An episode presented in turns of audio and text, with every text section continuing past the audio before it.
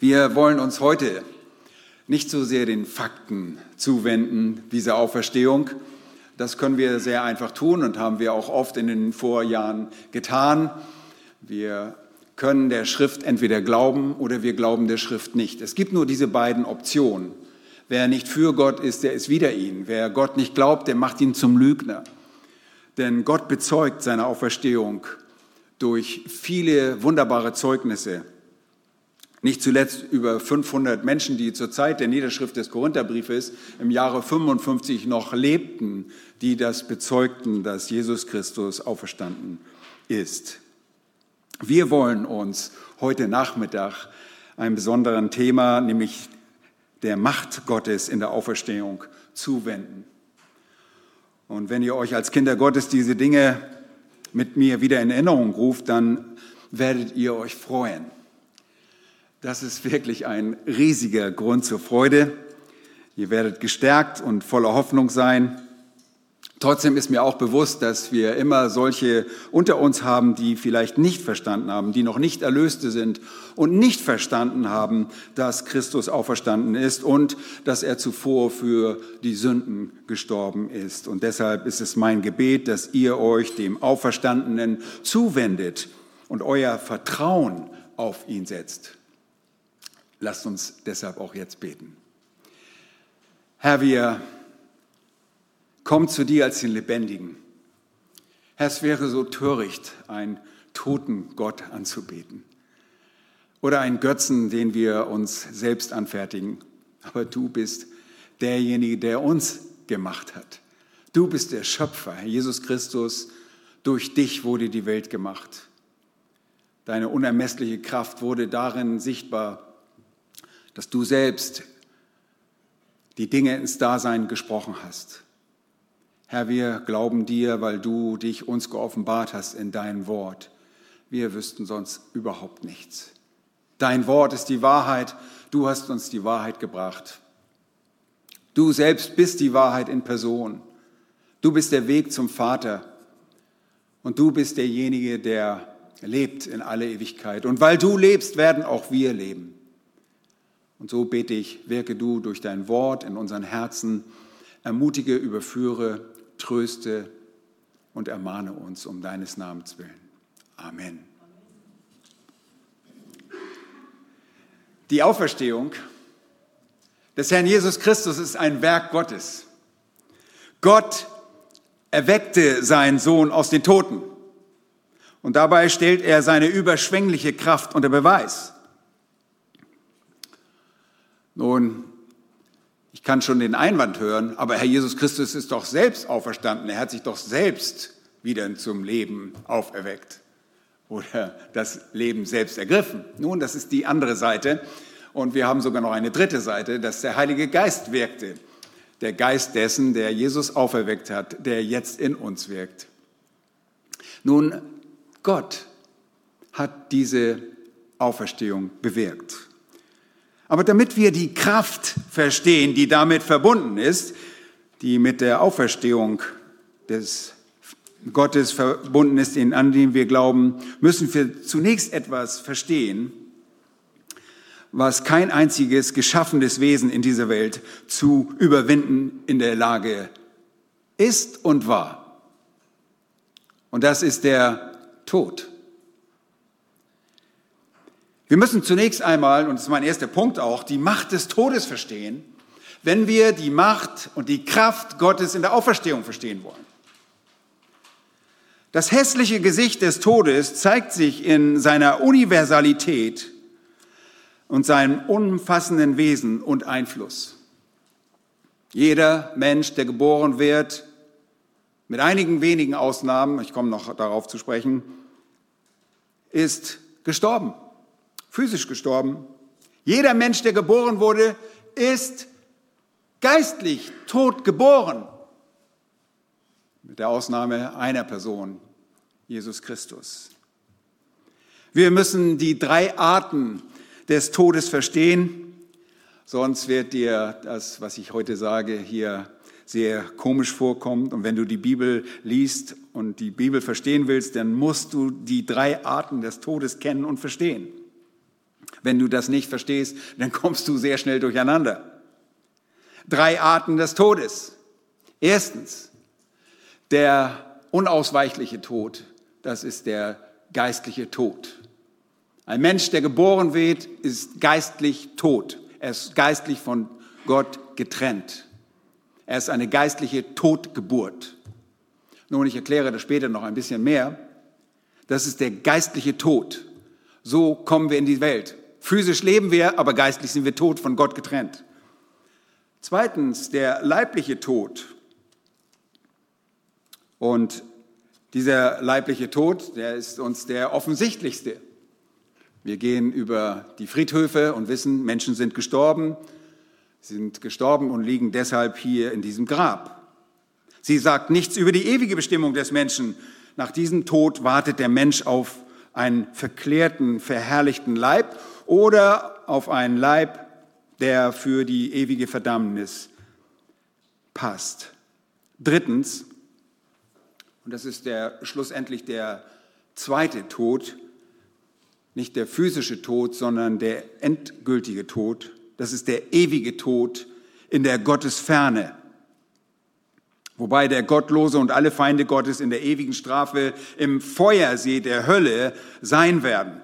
Und das wird uns sehr deutlich beschrieben in der Offenbarung Kapitel 20 und Kapitel 21. Dass eines Tages wenn das große Gericht kommt, der große weiße Thron, Gott sagt, es ist dem Menschen bestimmt, einmal zu sterben, danach das Gericht. Und die Gottlosen werden vor das Gericht kommen, vor den großen weißen Thron. Und alle Menschen aller Zeiten werden dort erscheinen. Das sind die Menschen, die in der großen Flut gestorben sind. Wir sehen dort, das Meer gibt die Toten hervor. Wir sehen sogar Menschen, die aus einem eingefrorenen Zustand herauskommen. Kryonik nennt man sowas. Es gibt Leute, die wollen ihr Leben konservieren, weil sie hoffen, dass man in 200 Jahren vielleicht diese Person wieder auftauen kann und zum Leben erwecken kann. Nein, auch solche Menschen werden vor dem großen weißen Thron erscheinen müssen. Und dort werden sie verdammt und sie werden dann in den ewigen Feuersinn, in den brennenden Feuersee kommen, weil sie Gott nicht geglaubt haben, weil sie den Retter nicht angenommen haben, weil sie ihm nicht vertraut haben. Nun bereits in 1. Mose 2, die Verse 16 und 17, dort im Paradies werden dem Menschen die Konsequenzen seines Ungehorsams aufgezeigt, bevor es überhaupt Sünde gab.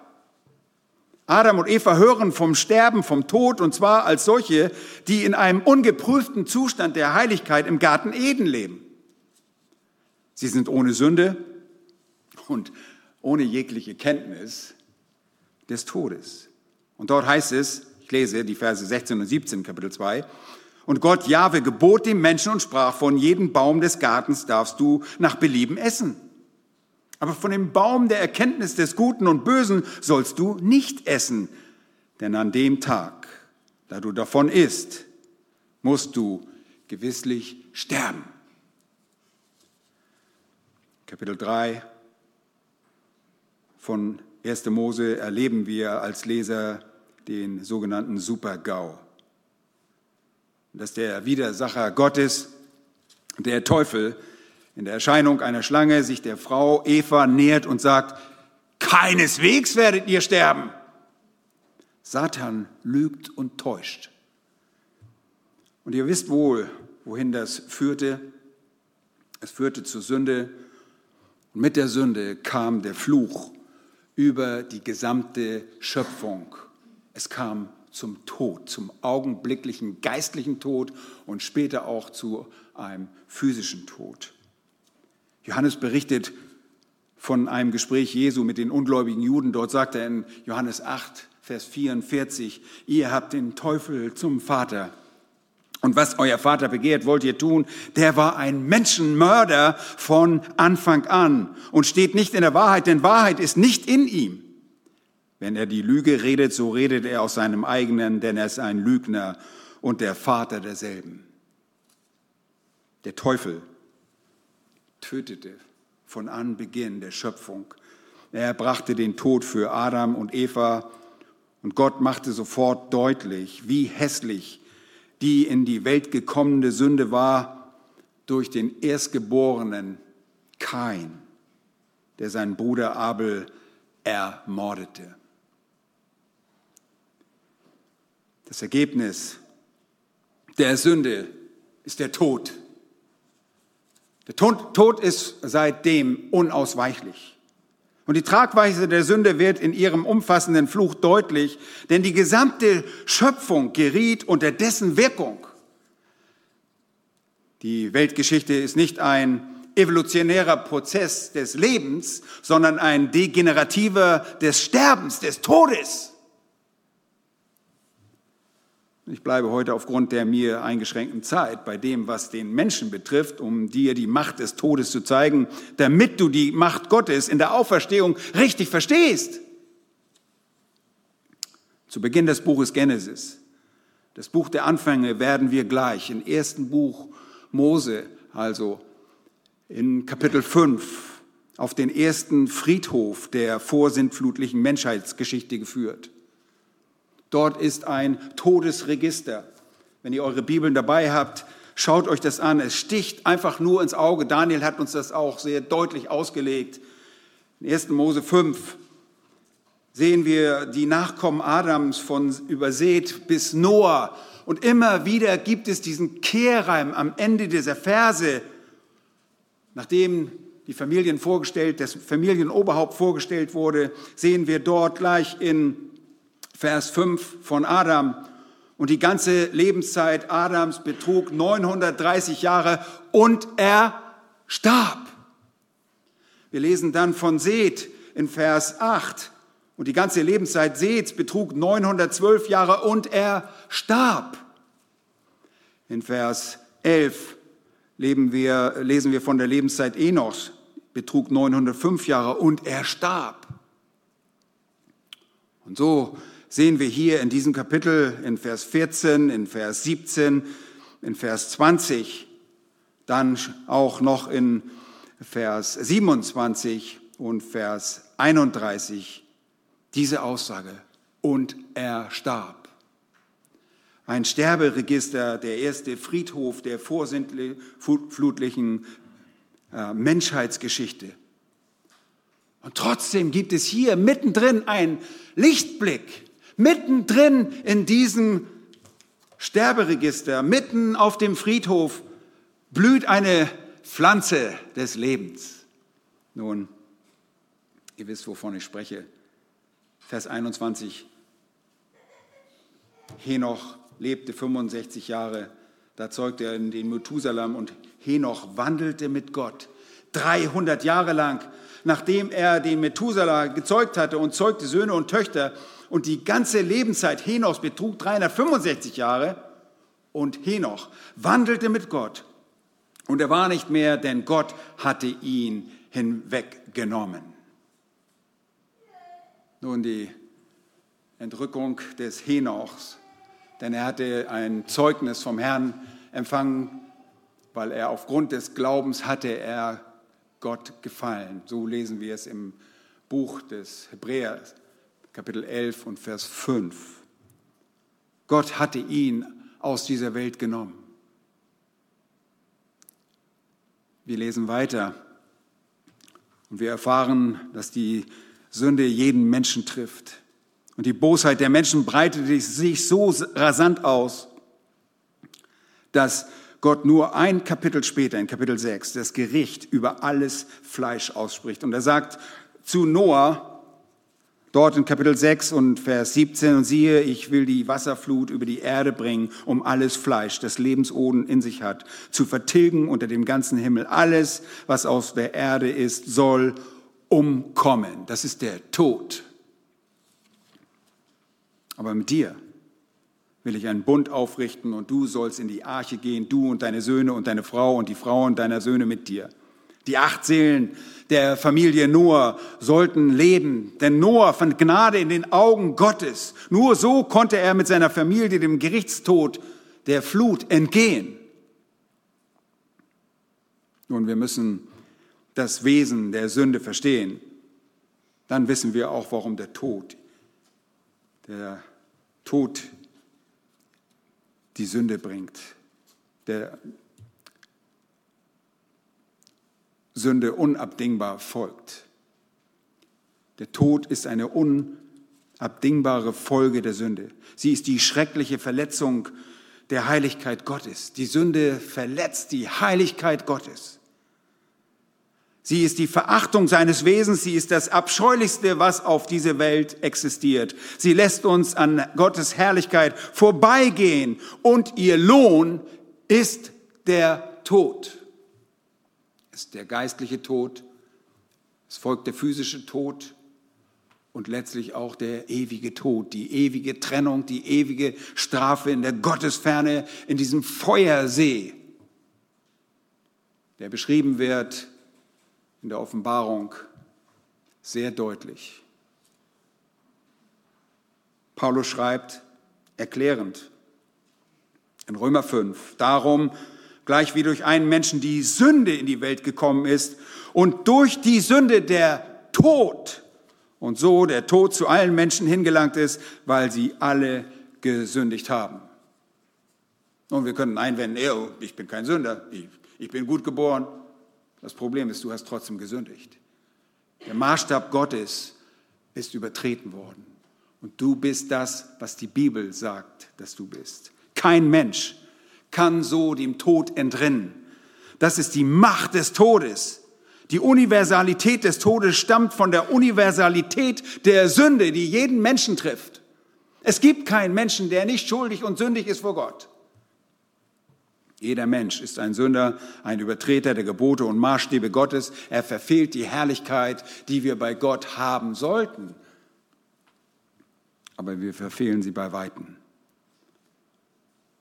König David sagt, von Geburt an ist der Mensch ein Sünder. Siehe, in Schuld bin ich geboren und in Sünde hat mich meine Mutter empfangen. Und das hatte nichts damit zu tun, dass die Empfängnis etwas Sündiges an sich hatte, oder die Zeugung als solche. Nein, der Mensch ist als Geborener eine von Gott, ein von Gott getrenntes Wesen, weil er die Sünde geerbt hat von seinen Ureltern. Die Sünde wurde so weitergegeben. Jeder Mensch ist getrennt von Gott. Psalm 58 macht David dann sogar noch deutlicher. Er schreibt, die Gottlosen sind abtrünnig von Mutterleib an. Die Lügner gehen auf dem Ehrweg Ehrweg von Geburt an. Und damit sagt er nicht, dass die Gerechten und Gottesfürchtigen von Mutterleib an ohne Sünde waren. Sie sind lediglich begnadigte Sünder. Sünde verdient den Tod. Paulus schreibt, der Sünde Lohn ist der Tod. Das, was du als Lohn bekommst, ist das, was du verdient hast. Der Tod ist das, was du verdienst. Der geistliche Tod gegen den du nichts tun kannst, aber der physische Tod ist das, was du verdienst und das jeder bekommt, egal ob er geistig lebt oder nicht, es sei denn, er wird entrückt wie ein Henoch. Der Lohn der Sünde muss gezahlt werden und deshalb starb Jesus. Gott in seiner Heiligkeit muss den Sünder strafen, das ist sein Wesen. Gott ist ein gerechter Gott und so stellt uns die Bibel vor, er ist gerecht.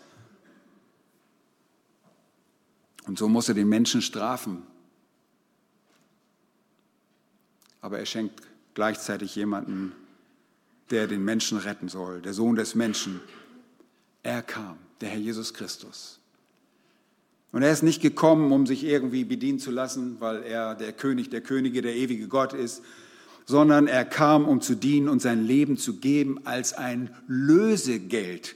Und zwar für viele, für alle, die glauben würden gibt er sein Leben als ein Lösegeld und das ist das Geld, das man bezahlt für den Freikauf eines Sklaven auf dem Sklavenmarkt. Wir, die wir in Sünde sind, sind versklavt in Sünde. Wir können uns nicht befreien von der Sünde, so wie wir uns nicht von dem Tod befreien können. Oh, Menschen möchten so gerne leben. Menschen unternehmen so viel. Es gibt Forschungslabore, die daran arbeiten, dass der Mensch leben kann. Unlängst las ich von einer 14-Jährigen aus England, die sich einfrieren lassen hat, weil sie Krebs hatte. Und ihr letzter Wunsch war, dass sie sich doch einfrieren lassen könnte, in der Hoffnung, dass in einigen Jahren die Wissenschaft so weit ist, um sie wieder zum Leben zurückzubringen. Ihr Lieben, der Herr Jesus Christus kam, um sein Leben zu geben als ein Lösegeld. Er musste den Preis bezahlen an seinen Vater.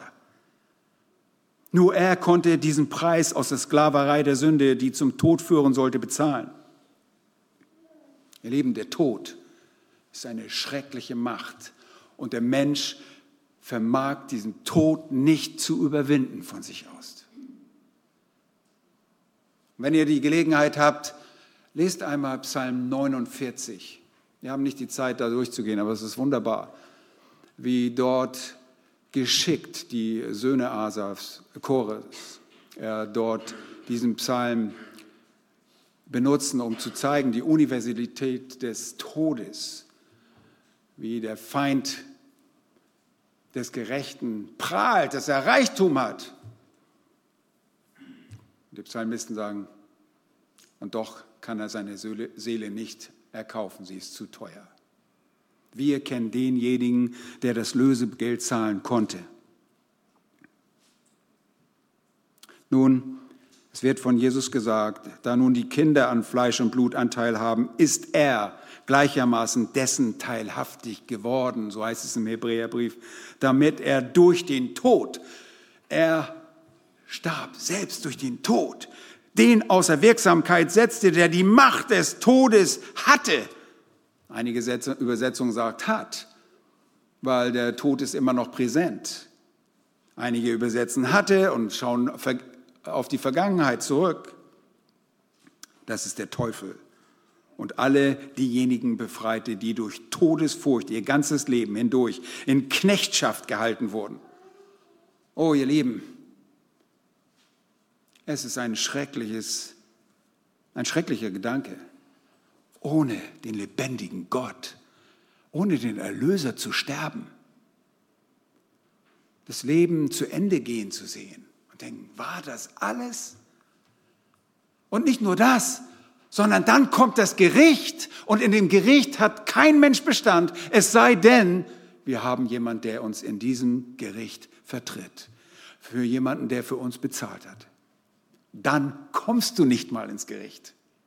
Denn dann bist du vom Tode zum Leben hindurchgedrungen. So schreibt Johannes in Kapitel 5 des Evangeliums des Johannes. Nun, dieser Tod ist eine erdrückende Macht. Und Menschen werden unruhig, wenn wir darüber sprechen. Sie möchten dieses Thema am liebsten vermeiden. Sie betören sich, sie betäuben sich. Oh nein, nicht über den Tod reden, das wollen wir nicht. Oh, hoffentlich haben wir den Glück, haben wir Glück in unserem Leben und der Tod wird uns nicht erhaschen. Oh, du weißt nicht, ob du morgen noch lebst. Kläre dein Leben mit Gott damit du dem Tod ins Auge sehen kannst. Denn der Tod ist nicht mehr unser Feind, die wir glauben. Wir haben in Christus einen Freund, der nicht nur selbst auferstanden ist, sondern wir sind bereits geistlich gesehen Auferweckte. Nun, wir sind uns der Macht dieses Todes bewusst. Ihr braucht nur über den Friedhof gehen, das tut manchmal ganz gut, daran zu denken dass wir sterben müssen. Wir denken manchmal, wir leben manchmal so, als würde das Leben immer nur so weitergehen. Wir machen uns das bequem, wir, wir denken, oh, das ist nicht schlecht hier, hier bleibe ich. Oh. Ihr Lieben, lehre uns bedenken, unsere Tage zu zählen, sagt Mose in Psalm 90, damit wir ein weises Herz bekommen. Jakobus sagt, unser Leben ist wie ein Dampf, das kommt und geht. Lasst uns die Kraft Gottes in und nach der Auferstehung ansehen. Hört einmal auf das, was Paulus seinem Kind im Glauben schreibt. Er sagt zu Timotheus von unserem Gott folgendes, er hat uns ja errettet und berufen mit einem heiligen Ruf. Nicht aufgrund unserer Werke, sondern aufgrund seines eigenen Vorsatzes und der Gnade. Nun, was ist der Vorsatz? Ein Vorsatz ist ein Ratschluss Gottes in der Vergangenheit. In der ewigen Vergangenheit hat Gott seine Gnade auf uns gesetzt. Hört mal weiter zu. Sondern aufgrund seines eigenen Vorsatzes und der Gnade, die uns in Christus Jesus vor ewigen Zeiten gegeben wurde, die jetzt aber offenbar worden ist durch die Erscheinung unseres Retters Jesus Christus. Und jetzt, der dem Tod die Macht genommen hat und Leben und Unvergänglichkeit ans Licht gebracht hat durch das Evangelium, für das ich als Verkündiger und Apostel und Lehrer der Heiden eingesetzt worden bin. Ihr Lieben, das war die Botschaft der Apostel, die sie freimütig verkündigten. Christus ist auferstanden. Das ist unsere Botschaft heute. Christus ist auferstanden.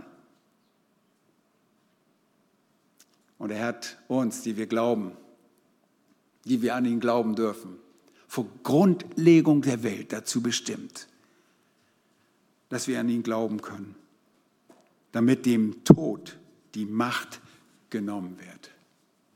Ist das nicht wunderbar?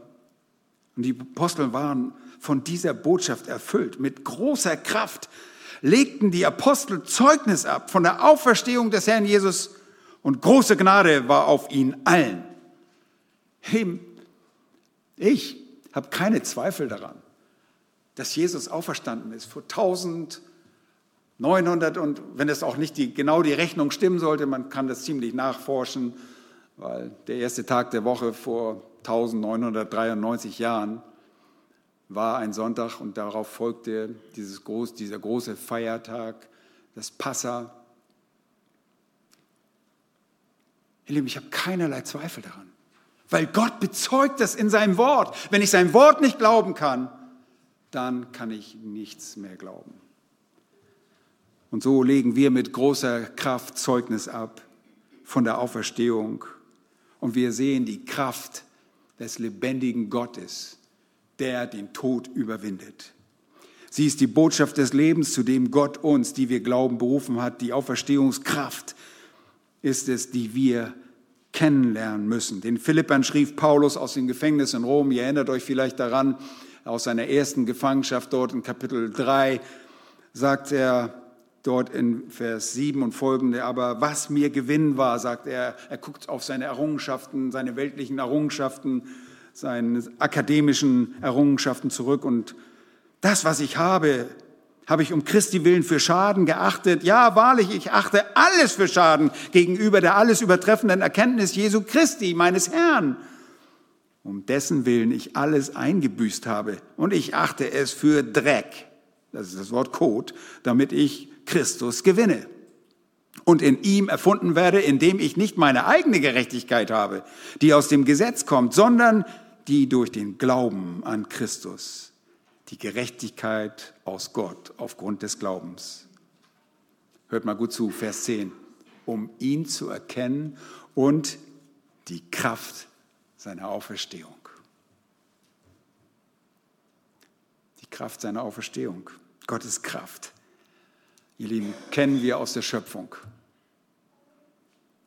Wir lesen manchmal die Bibel so schnell und lesen 1. Mose 1 so schnell und denken, oh ja, toll, fertig, weiterlesen. Und wir denken nicht ein bisschen darüber nach, was da eigentlich geschehen ist. Gott spricht und es geschieht. Das ist, das ist wahnsinnige Kraft. Niemand kann das. Und diese Kraft war nötig, um Jesus Christus aus den Toten zu erwecken und uns, die wir in der Sünde gefangen sind und deshalb den Tod als Folge, als Lohn erhalten, auch zum Leben zu erwecken.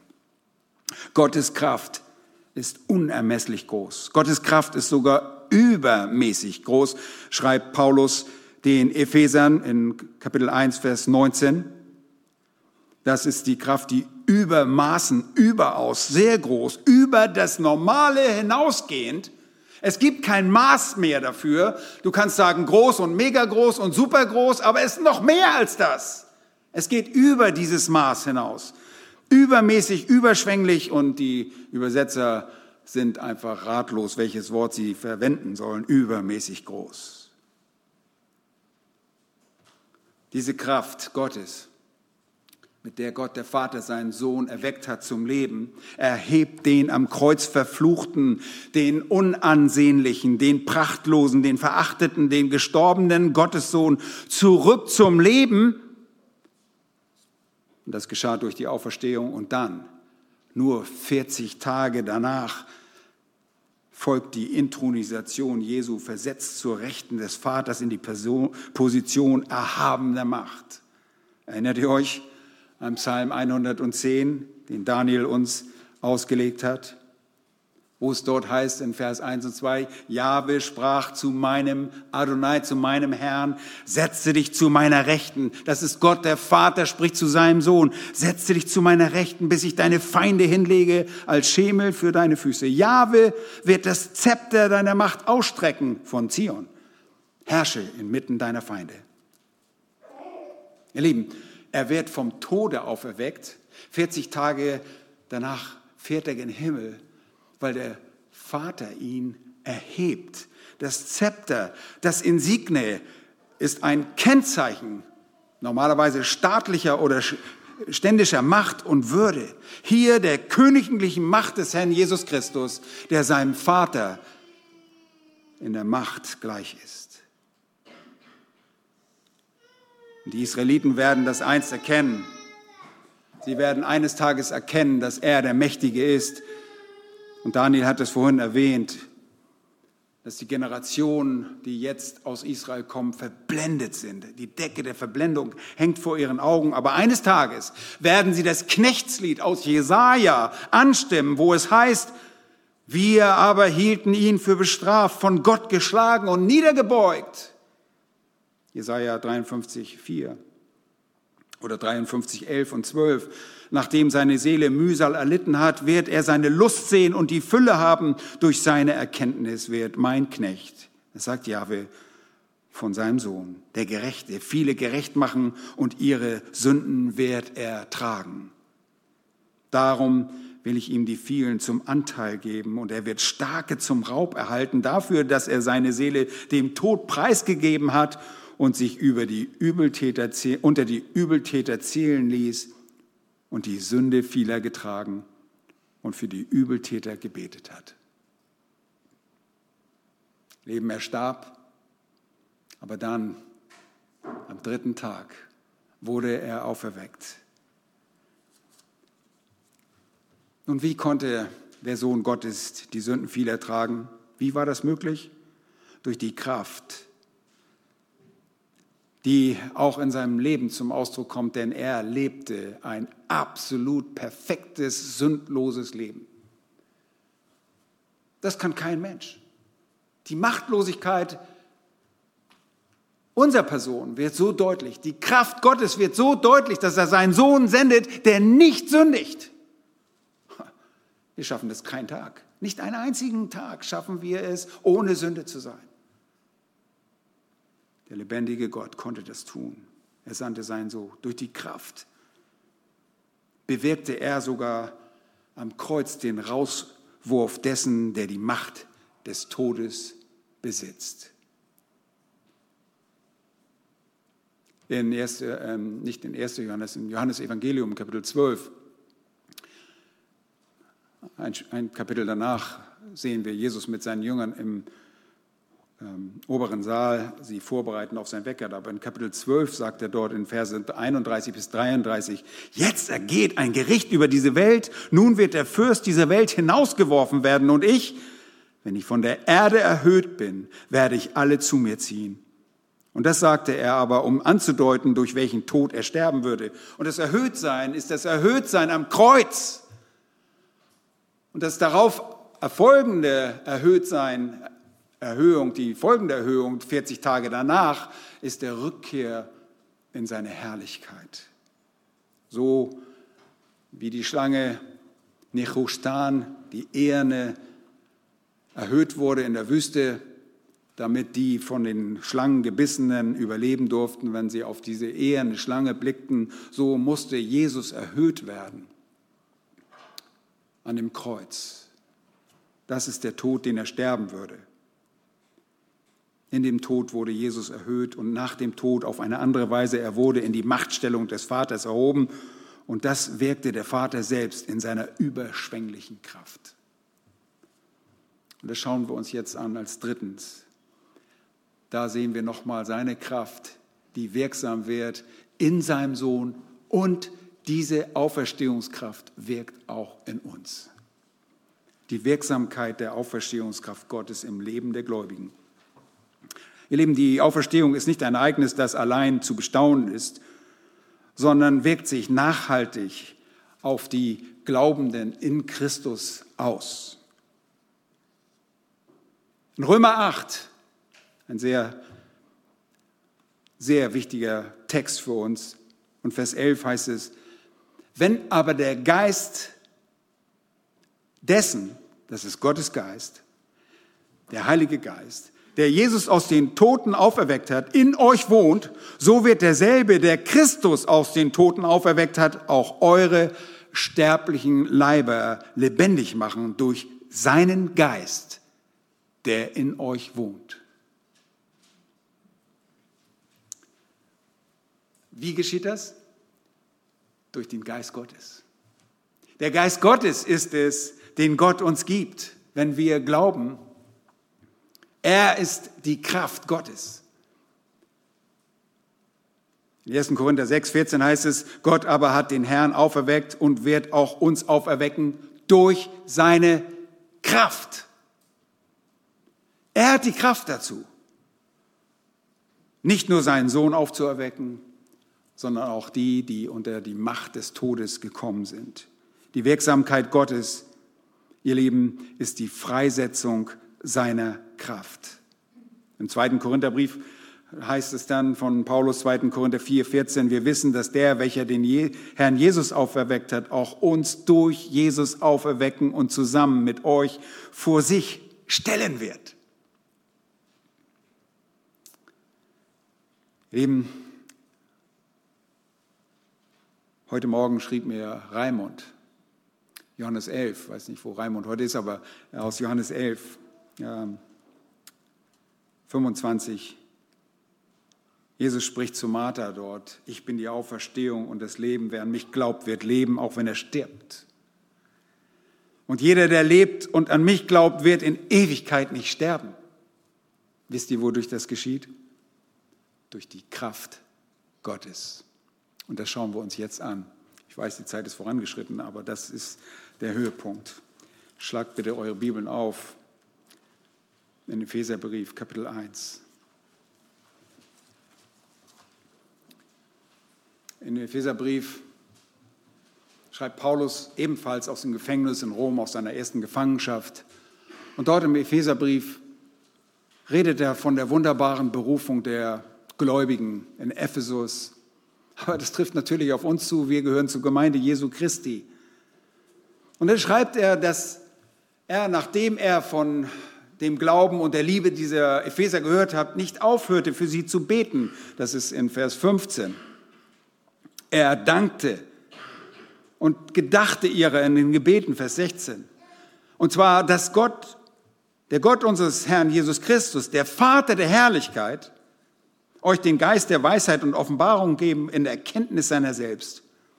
Und jetzt betet er für drei Dinge. Er möchte, äh, dass sie erleuchtete Augen haben, damit sie das, drei Dinge verstehen. Erstens, die Hoffnung seiner Berufung, und ich gehe nicht heute darauf ein, was das bedeutet, den Reichtum der Herrlichkeit seines Erbes in den Heiligen ist und drittens, sehr wichtig, was auch die überwältigende Größe seiner Kraft, Wirkung, sagt Schlachter, an uns ist. Hier ist Kraft das Wort, Dynamis.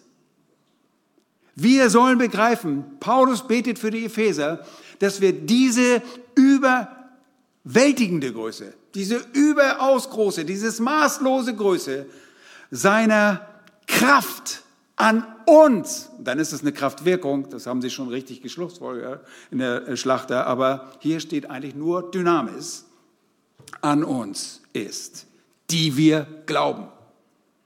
Die Kraft ist nur wirksam an denen, die glauben. Wie denn? Wie ist diese Kraft denn wirksam?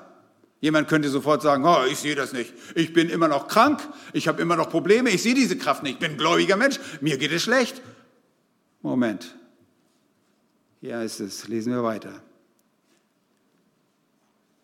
Gemäß, griechisch kata, entsprechend der Wirksamkeit, das ist Energia, das ist die Freisetzung der Kraft, die Energie, die kinetische Bewegungsenergie praktisch, die angewendet wird, die Wirksamkeit der Macht Kratos seiner Stärke.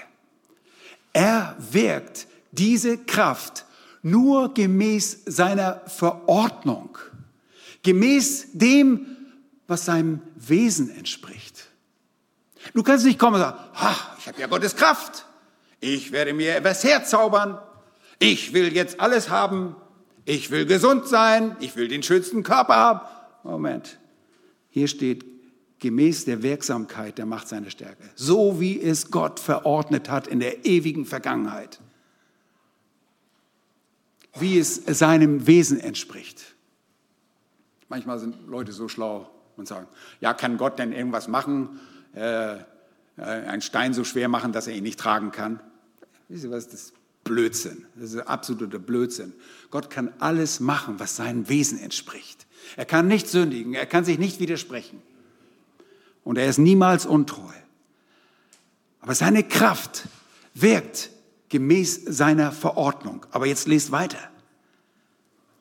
Diese Kraft, das bezieht sich auf diese Kraft, die hat er, Gott, wirksam werden lassen in dem Christus, als er ihn aus den Toten auferweckte.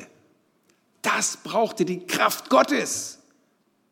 Diese Kraft wirkte an unseren Herrn Jesus Christus.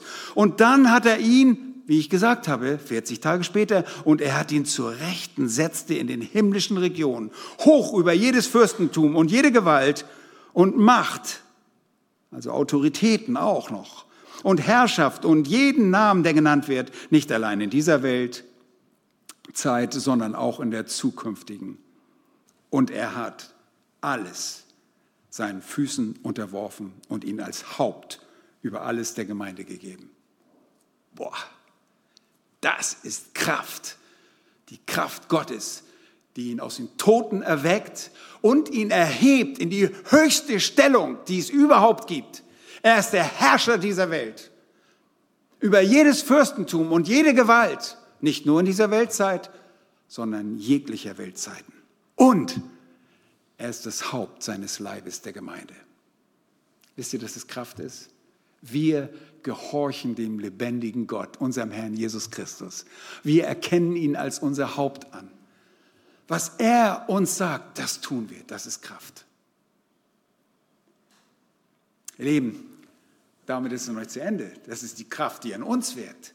Aber das ist die Kraft, die auch an Jesus gewirkt hat. Und dann seht ihr in Kapitel 2, Vers 1, und auch euch, die ihr tot, tot wart. Und dann kommen ein paar Einfügungen und erklärt, dass das bedeutet, dass wir tot waren. Wir waren nämlich geistlich tot. Wir sind noch nicht auferstanden, also wir sind noch nicht reinkarniert hier irgendwie, sondern wir sind geistlich tot, haben wir gesagt, die wir tot waren, geistlich tot. Vers 5, 4 setzte dann fort, Gott hat aber der reich ist an Erbarmen, hat um seiner großen Lieben willen, mit der er uns äh, äh, geliebt hat, auch uns, die wir tot waren, die Übertretung mit dem Christus lebendig gemacht. Er hat uns lebendig gemacht. Seht ihr, die Kraft, die wirkte und die wirksam ist in uns, die Auferstehungskraft, die wurde darin wirksam, dass wir jetzt leben. Lesen wir mal weiter.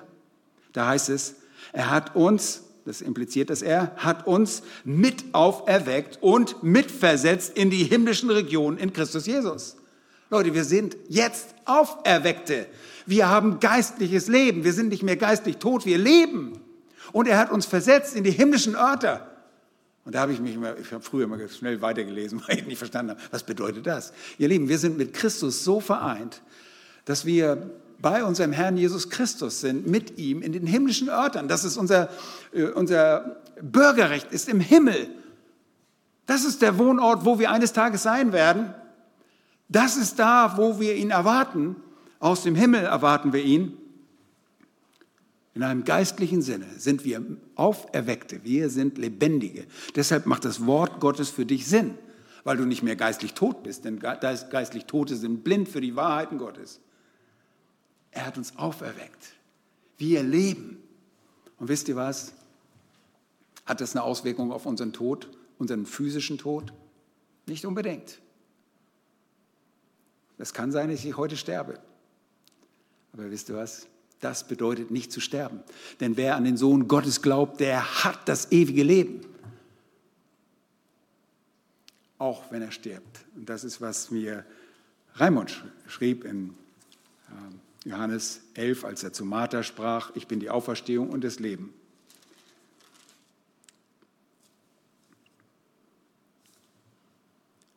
Wer an mich glaubt, wird leben, auch wenn er stirbt. Und dann hatte Jesus ein Beispiel gegeben, wie, welche Macht er hat über den physischen Tod.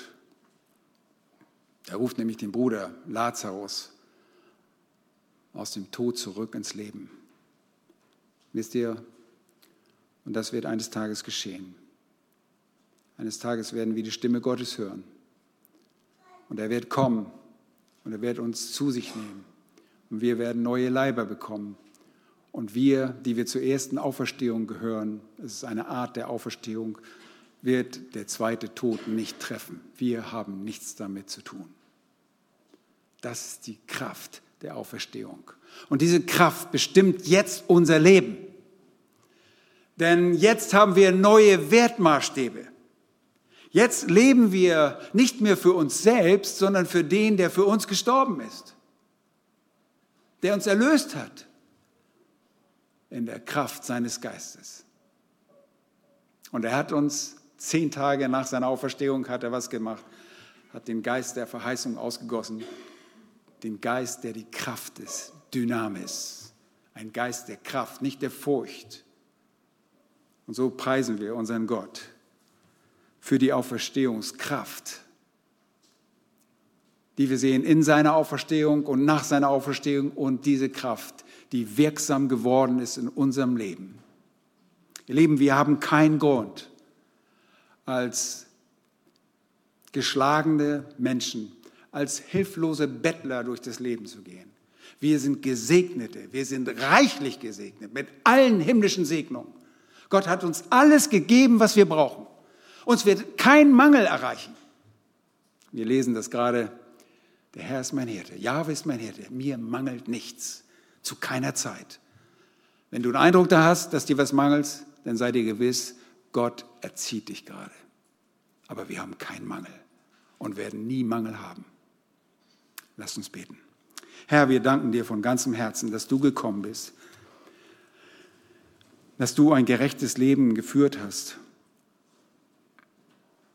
ein absolut perfektes Leben, dass du das Leben eines Gerechten geführt hast, sodass du für uns stellvertretend sterben konntest, für unsere Sünde, für unsere Schuld, die wir nicht nur durch die Geburt geerbt haben, sondern auch durch unser Leben produzieren. Immer wieder, immer wieder neue Sünde, immer wieder neu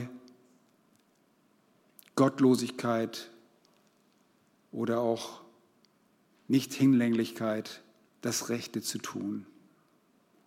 Herr, wir danken dir, dass du uns deine Gerechtigkeit durch den Glauben zuschreibst.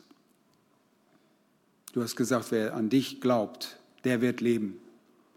Wer an dich glaubt, der ist vom Tode zum Leben hindurchgedrungen und kommt nicht ins Gericht. Für die Glaubenden, die dir vertrauen, gibt es den zweiten Tod nicht mehr. Du hast den Tod überwunden und wir dürfen leben, auch wenn unser alter Mensch, unsere Hülle, unser Fleisch, unser Leib zur Erde wird. So kriegen wir einen neuen Auferstehungsleib, einen verherrlichten Leib. Danke, dass wir zum Leben mit dir berufen sind. Nicht zum Zorn, wie wir auch aus dem Thessalonicher Brief gehört haben. Wir sind nicht zum Zorngericht bestimmt, sondern zum Leben mit dir. Und du hast uns dieses Leben gegeben. Kraft deiner Vergebung durch dein Tod und zu unserer Auferstehung willen. Herr, unser Rechtfertig, um unserer Rechtfertigung willen bist du auferstanden. Denn du bist gerecht, und hast uns gerechtfertigt, gerecht gesprochen. Hab Dank dafür, für dieses wunderbare Werk und deine Kraft in uns. In Jesu Namen. Amen. Amen.